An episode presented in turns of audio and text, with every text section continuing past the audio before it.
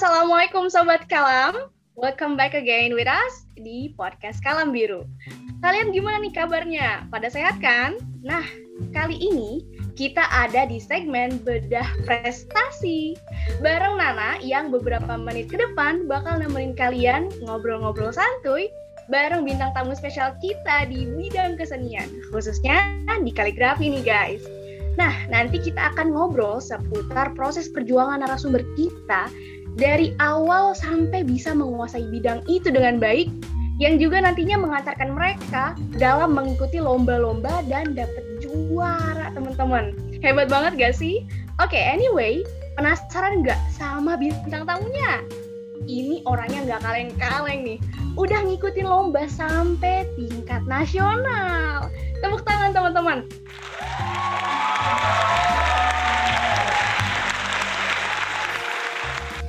Kalau lihat tulisannya bisa bikin kelepek-kelepek asli. Apalagi kalau kita lihat pas lagi bikin kaligrafinya nih, prosesnya nih. Ah, auto cakep maksimal teman-teman. Ya udah, langsung aja kali ini yang pada penasaran, kita dengerin Kalam Biru Podcast. Check it out.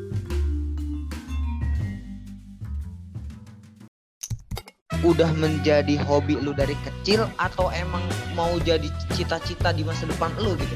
Di umur 8 tahun kan termasuk uh, kecil ya, masih umur segitu udah latihan bola, udah ke sini ke sini. Kalau gue sendiri sih dari kecil belum kegambar gitu untuk mengikuti silat, tapi ada keinginan gitu ikut silat.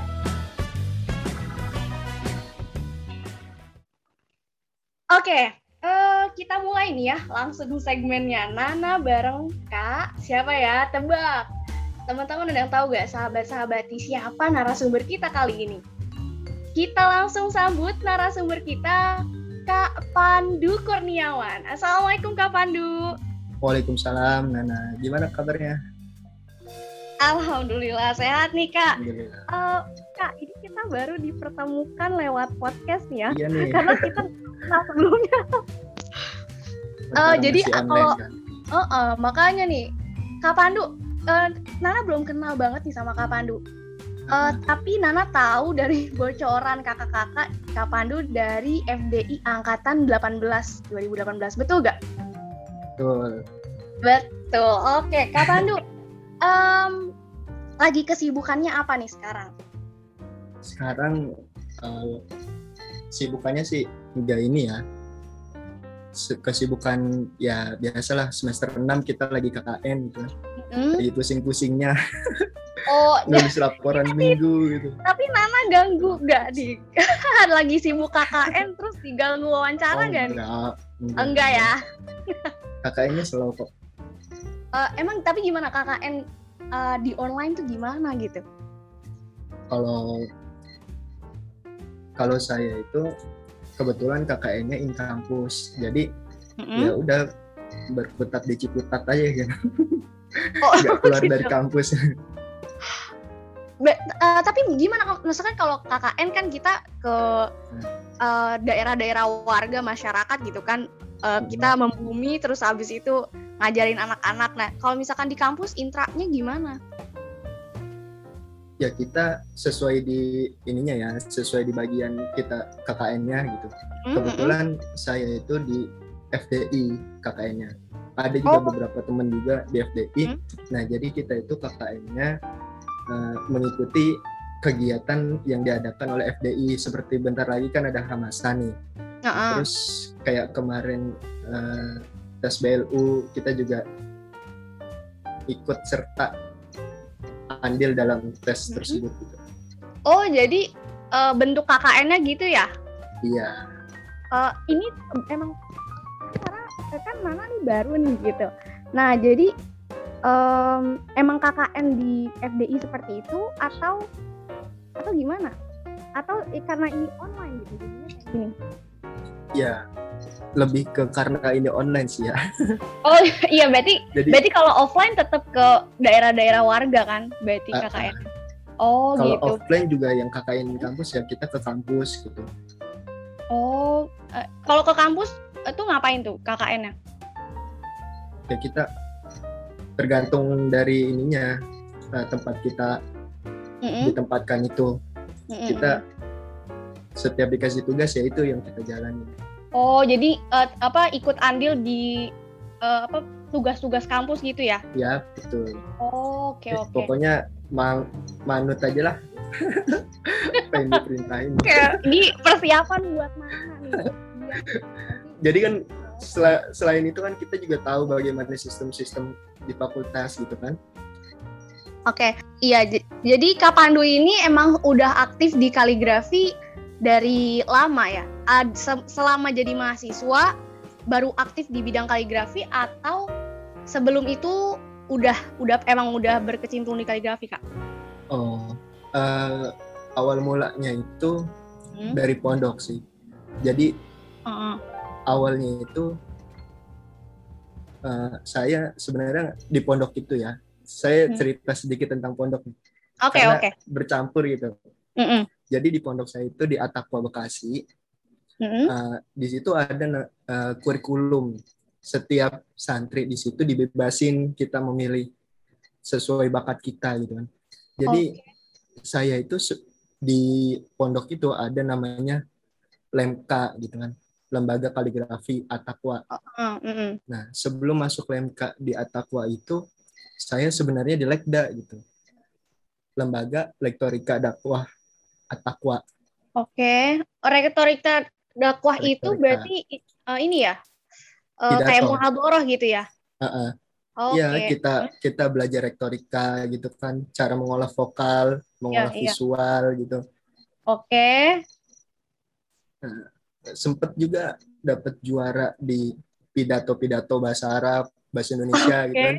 Oh berarti bukan cuma jago di kaligrafi tapi jago ternyata jago juga di bidang retorika ya. Ya lumayan dah. Oke. Buat ngomong mang bisa dikit-dikit gitu. Ya, Nah. tapi intinya multitasking nih. Terus kenapa pindah? Kenapa Nah. pindah ke kaligrafi? Jadi ternyata di Atakwa itu peminat Lekda ini Hmm, apa ya? Bejibun bahasa Bekasinya maaf itu ya. Iya. Banyak, banyak, Heeh. banyak gitu. Jadi saya pikir wah kalau kayak gini kurang kondusif nih belajarnya. Ya udahlah, Oke. saya cari yang lain aja gitu kan. Hmm. Senyaman gitu kan. Yang penting nyaman gitu kan. Nah, akhirnya coba-coba ke LMK, masuk ke LMK, belajar Mm-mm. seminggu, dua minggu, sebulan, dua bulan, akhirnya pas juga di LMK. Oh gitu. Oh berarti emang sebetulnya ada bakat seninya juga sih sebetulnya ya. Iya, Ya, tapi lah. Ini pas kelas berapa kak? Ini pas kelas berapa? Pas di pondoknya itu? Jadi eh, masuk LMK itu saya pas kelas 2 aliyah. Dua ali. Kita, saya masuk LMK 2 Hah? aliyah, Mm-mm. terus nggak lama masuk LMK itu, saya dipanggil sama guru kan, guru kaligrafi.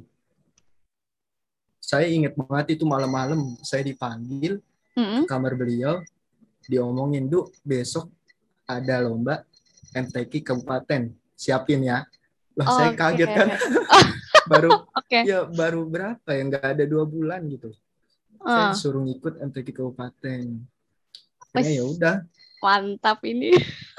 ya udah Tapi- saya Heeh. nyiapin itu kan apa yang harus disiapin Mm-mm.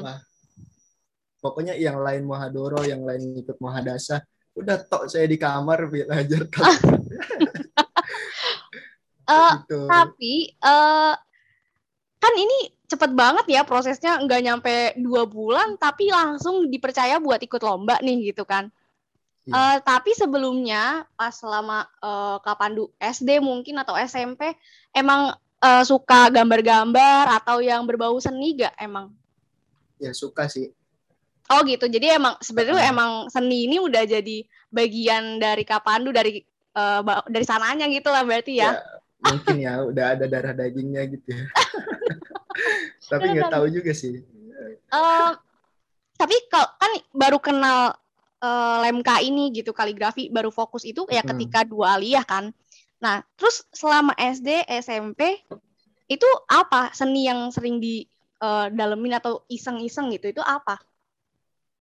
apa ya ketika saya baru MTS gitu kan Mm-mm. eh, belum kelihatan apa apa tuh ya itu di Lekda itu Oh gitu. Oh jadi Mm-mm. jadi ma- eh, seninya itu emang nggak terlalu kelihatan selama itu berarti ya. Ah, iya. Baru kelihatan pas nyoba-nyoba di Alia berarti. Ah, ah. Oh, oke. berawal Eh, tapi dari keren loh, coba-coba maksudnya- akhirnya nyaman Iya sih.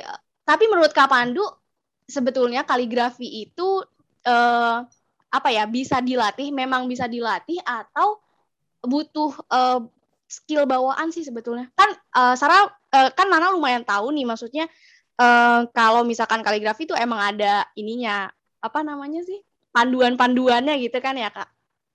Ah, betul Ah, nah, itu kira-kira dengan adanya panduan itu membuktikan bahwasannya kaligrafi itu eh, bisa dipelajari bahkan sama orang yang awam sekalipun atau emang butuh skill dasarnya gitu. Da- apa punya skill bawaan gitu. ya sebenarnya sih kaligrafi itu fleksibel ya dari hatta dari SD pun ada yang udah ikut lomba ataupun Iya. Ada bapak-bapak itu yang udah nikah udah punya anak satu baru belajar kaligrafi gitu kan ada tuh jadi Oh, semuanya heeh. bisa sih itu Oh, Cuma jadi heeh. balik lagi ke kitanya kemauan kitanya itu Oke, oke.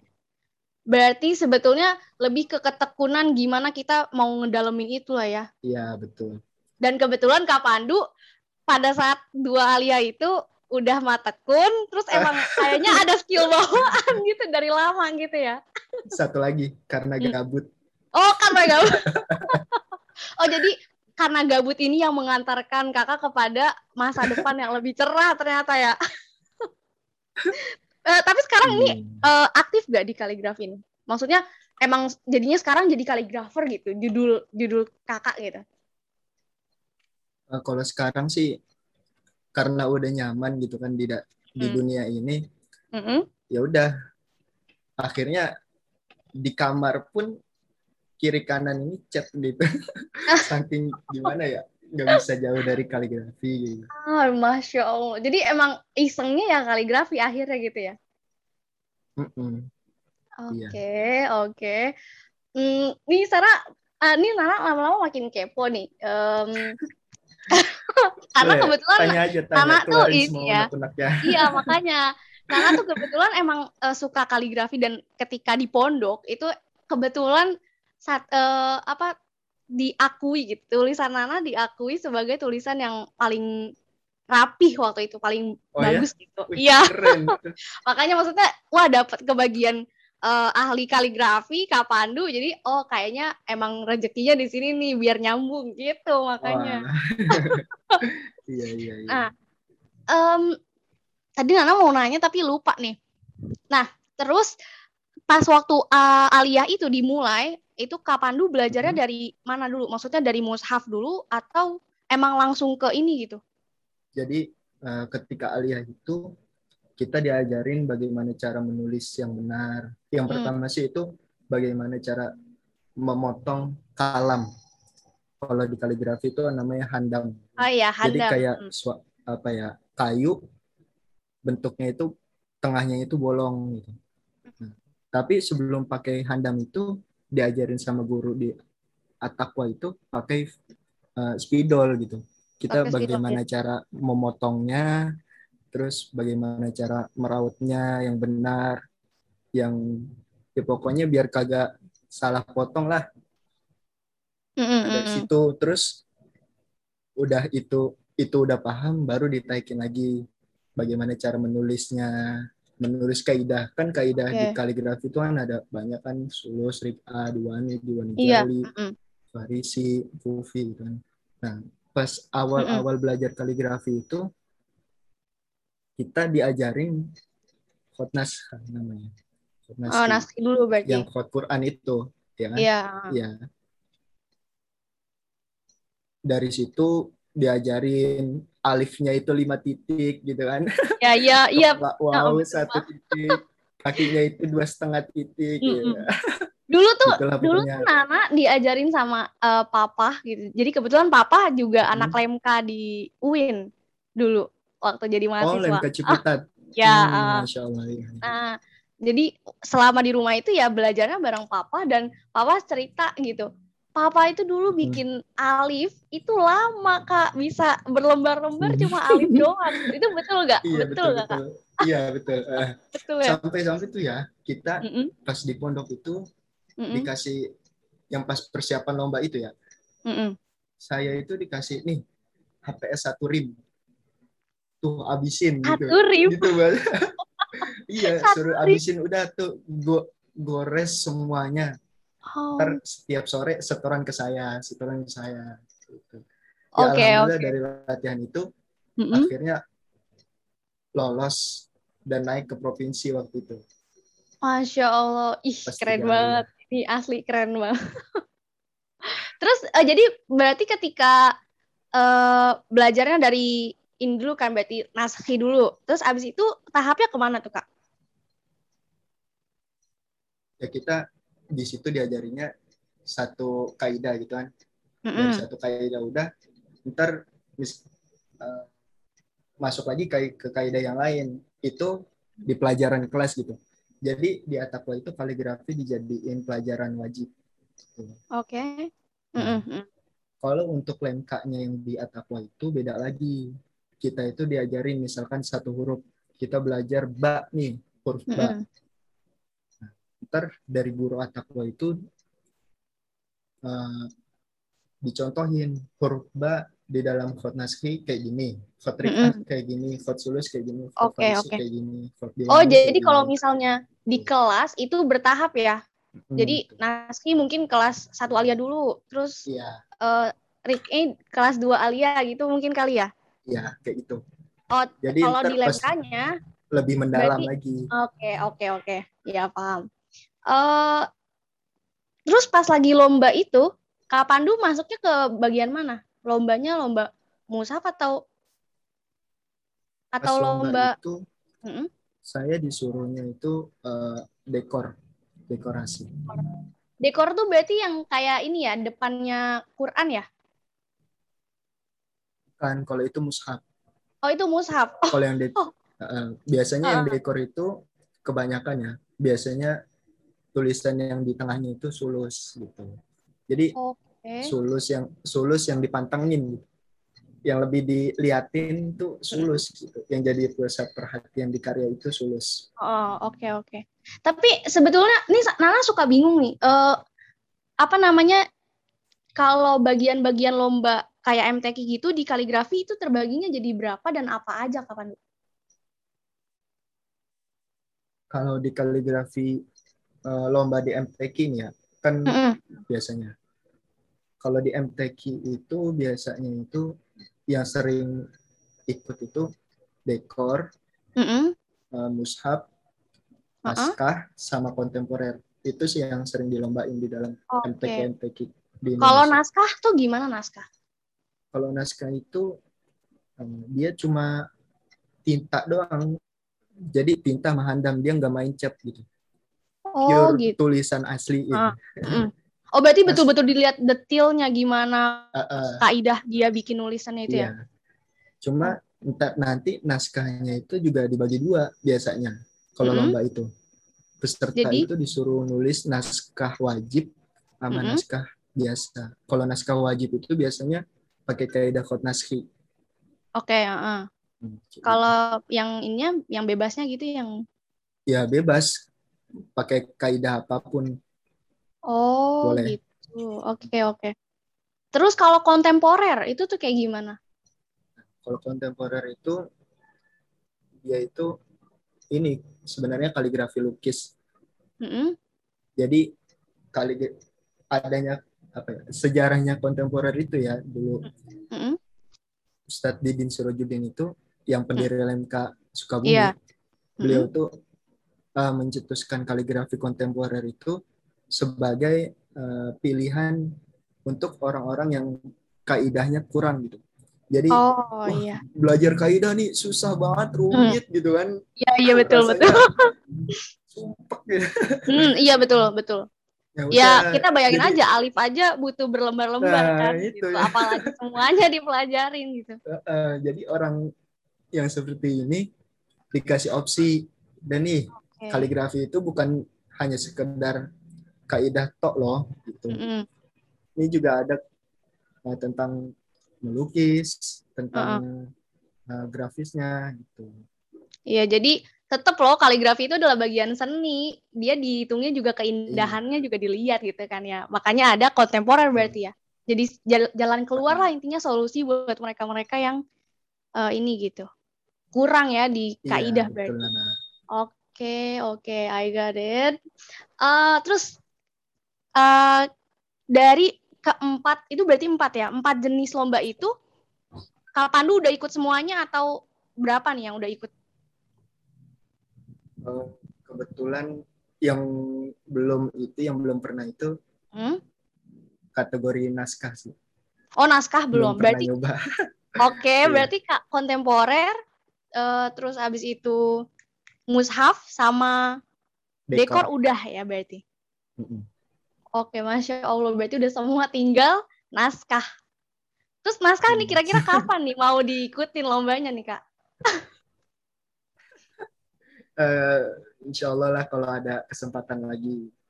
Insya Allah kalau ada kesempatan lagi. Berarti uh, ini hmm. daftarin MTQ nasional tahun ini, tahun depan nih kan ada tuh. Terus uh, ya doain aja lah. oh gitu ya, doain aja berarti Supaya ini calon-calon MTK gitu ya. berarti kan. nah, nih kapan dulu kan udah banyak lomba-lomba hmm. yang Kak Pandu ikutin gitu dari semenjak dua SMA itu dua aliyah itu. Nah, bisa dong ya. sebutin uh, apa aja lomba-lombanya? Uh, apa aja ya? Dari yang MTQ dua itu aliyah. Dua aliyah MTQ juga. Nah, hmm. terus di tahun berapa lagi tuh ya? Itu MTQ itu pernah tiga kali atau empat kali gitu. Mm-hmm. Nah, itu MTQ itu juga tingkat? pernah kabupaten. Oke, kabupaten. Terus?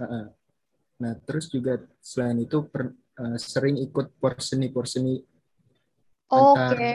uh-uh. pesantren juga. Terus juga pernah uh, ikut lomba-lomba di antar kampus gitu. Oke, okay, antar kampus. Nah, dari antara semuanya itu ada yang menang juara berapa gitu kapan?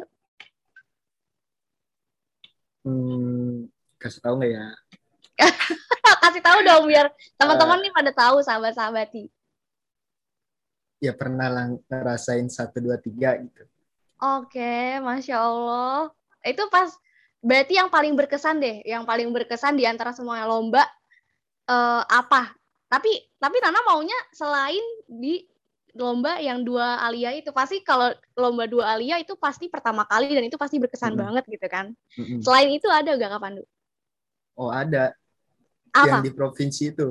Jadi provinsi? gitu. Itu uh itu apa ya?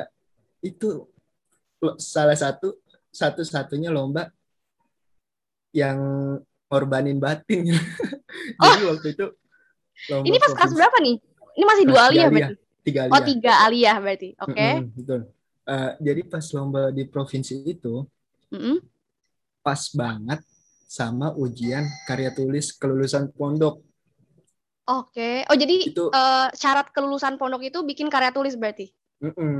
Oke. Okay. Ya, kayak kayak semacam kayak skripsi gitu. jadi Oke okay, oke. Okay. Kita tuh udah nulis kan ya, udah persiapan. Mm -hmm. Nah tahu-tahu jadwal dari pondok keluar tuh, keluarnya tiga hari sebelum uh, ulangan tersebut. Oke. Okay. Posisi itu saya udah di di Sukabumi waktu itu. Mm. Gimana ini kan pusing gitu. Pak, saya telepon waktu itu saya komunikasi sama kepala sekolah kebetulan saya uh, deket gitu kan sama kepala sekolah. Kebetulan okay. juga waktu itu pas tiga alia itu saya tinggalnya nggak di pondok gitu di rumah beliau. Oh gitu, jadi ada backupan ya? ya. iya gitu terus okay. curhat kan sama beliau ya mm -hmm. ini gimana Ustaz mau arahannya hmm. soalnya ini kapan lagi gitu kan? Iya betul betul Masih betul. provinsi itu beliau cuma bilang ya apa yang kamu lakukan kamu harus terima resikonya du gitu kan. Aduh mm. ya. gimana ini ya? Oke okay, terus? ya udah akhirnya ya mengalah. Yang di provinsi itu mengalah. Mm-hmm. akhirnya saya pulang ke pondok. Ya pikiran Oke. saya ya provinsi bisalah dicari kapan lagi. Kalau ujian pondok masa ya mau ngulang tahun depan gitu Masa udah lulus gitu ya demi provinsi kan doang? lucu gitu kan Iya betul betul. ya udahlah Berarti itu akhirnya eh, gitu. dilema memilih mana yang lebih kakak prioritasin berarti ya pada saat itu. Oke, Mm-mm. and Iya. then setelah itu, dan akhirnya ya udah nggak ikut di provinsi cuma uh-uh. ya dapat dari inilah dapat penghargaan dari kabupaten karena udah walaupun nggak ikut lombanya uh-uh. seenggaknya udah ada usahanya Oke, oke, good. Terus selain itu, selain itu ada lagi gak yang eh, ini banget gitu? sebenarnya yang berkesan sih banyak ya cuma yang paling berkesan itu itu sih Oke, berarti karena ada di balik cerita itu iya ya berarti eh, kita hitung dua lah ya. Pertama karena Hmm. pengalaman pertama kakak gitu ya ketika ikut di dua aliyah dan ternyata di tiga aliyah ini cobaannya lumayan nih ya. Dilema Iya. memilih antara dua prioritas. Oke, I see. Terus em, setelah lulus akhirnya kan masuk FDI tuh, masuk Mm-mm. kuliah. Ketika kuliah itu ikut lomba lagi gak tuh kak? Nah itu lombanya di mana?